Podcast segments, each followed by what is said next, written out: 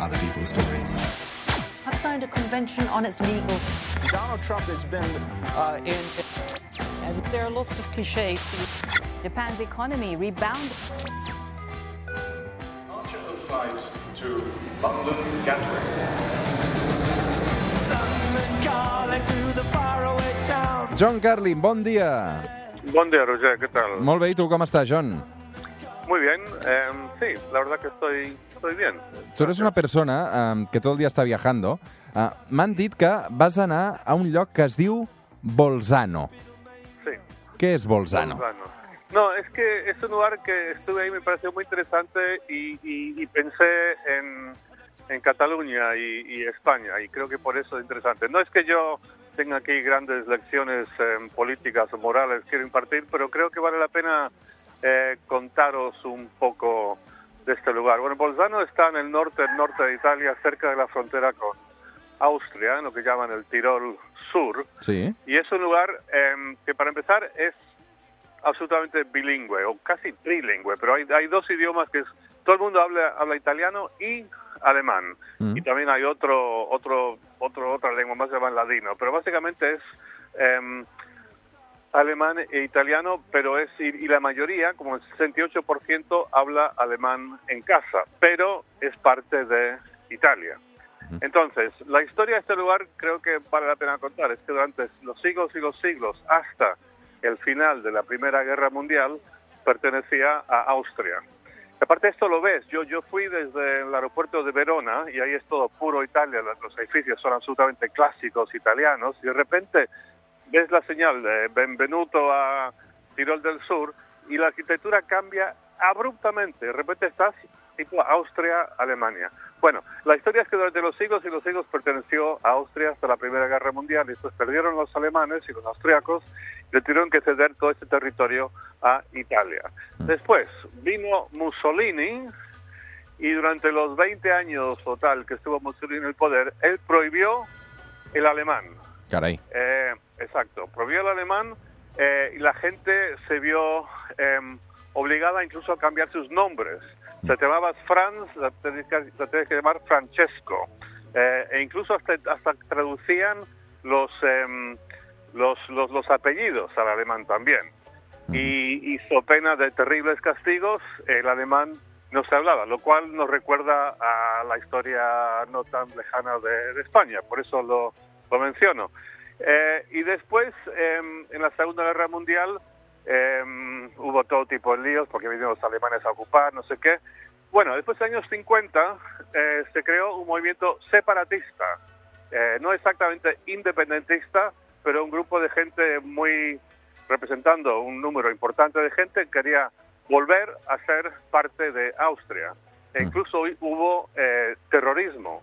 Eh, no mucho, pero bueno, no ETA, pero murieron, no sé, más de 20 personas.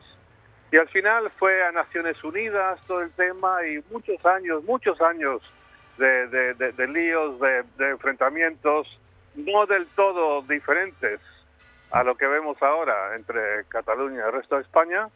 Y al final, ahora parece que por fin han logrado una cierta paz y convivencia. Doncs un territori eh, multicultural, d'alguna manera, pel que ens explica el John Carlin, eh, per culpa de la política i dels conflictes polítics, on eh, la gent parla d'aquesta manera. È una cretinata perché se io voglio andare in Austria vado in Austria, se io voglio stare qua resto qua. A cosa serve? A patto che non ci siano discriminazioni per nessuno, non vedo una cosa negativa. De fet, això és el que diuen alguns veïns de la ciutat italiana de Bolzano sobre la proposta del govern austríac de donar-los la nacionalitat. Um, és a dir, aquí hi ha una mena de disputa, no?, um, que són italians, però també hi ha una proposta perquè siguin austríacs, no, John?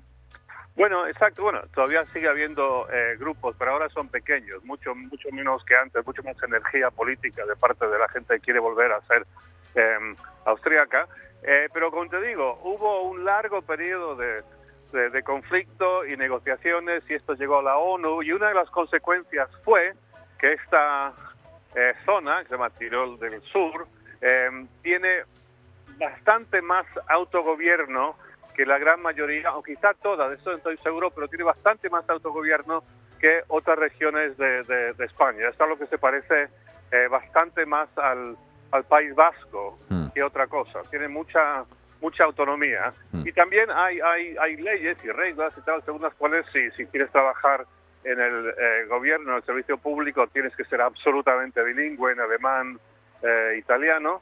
Ahora, la mayoría de la gente parece estar en, en paz con esto. Es curioso, pero tienes el, el alcalde de la ciudad de Bolzano, que es la principal ciudad de la región, eh, tiene un nombre alemán, pero hablé con él y te habla en, en italiano. O sea, es, es una zona, a mí me, me llamó poderosamente la atención y aunque como no sé los detalles de cómo se resolvió Mm. todo el tema, quizá eh, valdría la pena ir para allá y estudiarlo un poquito. Mm.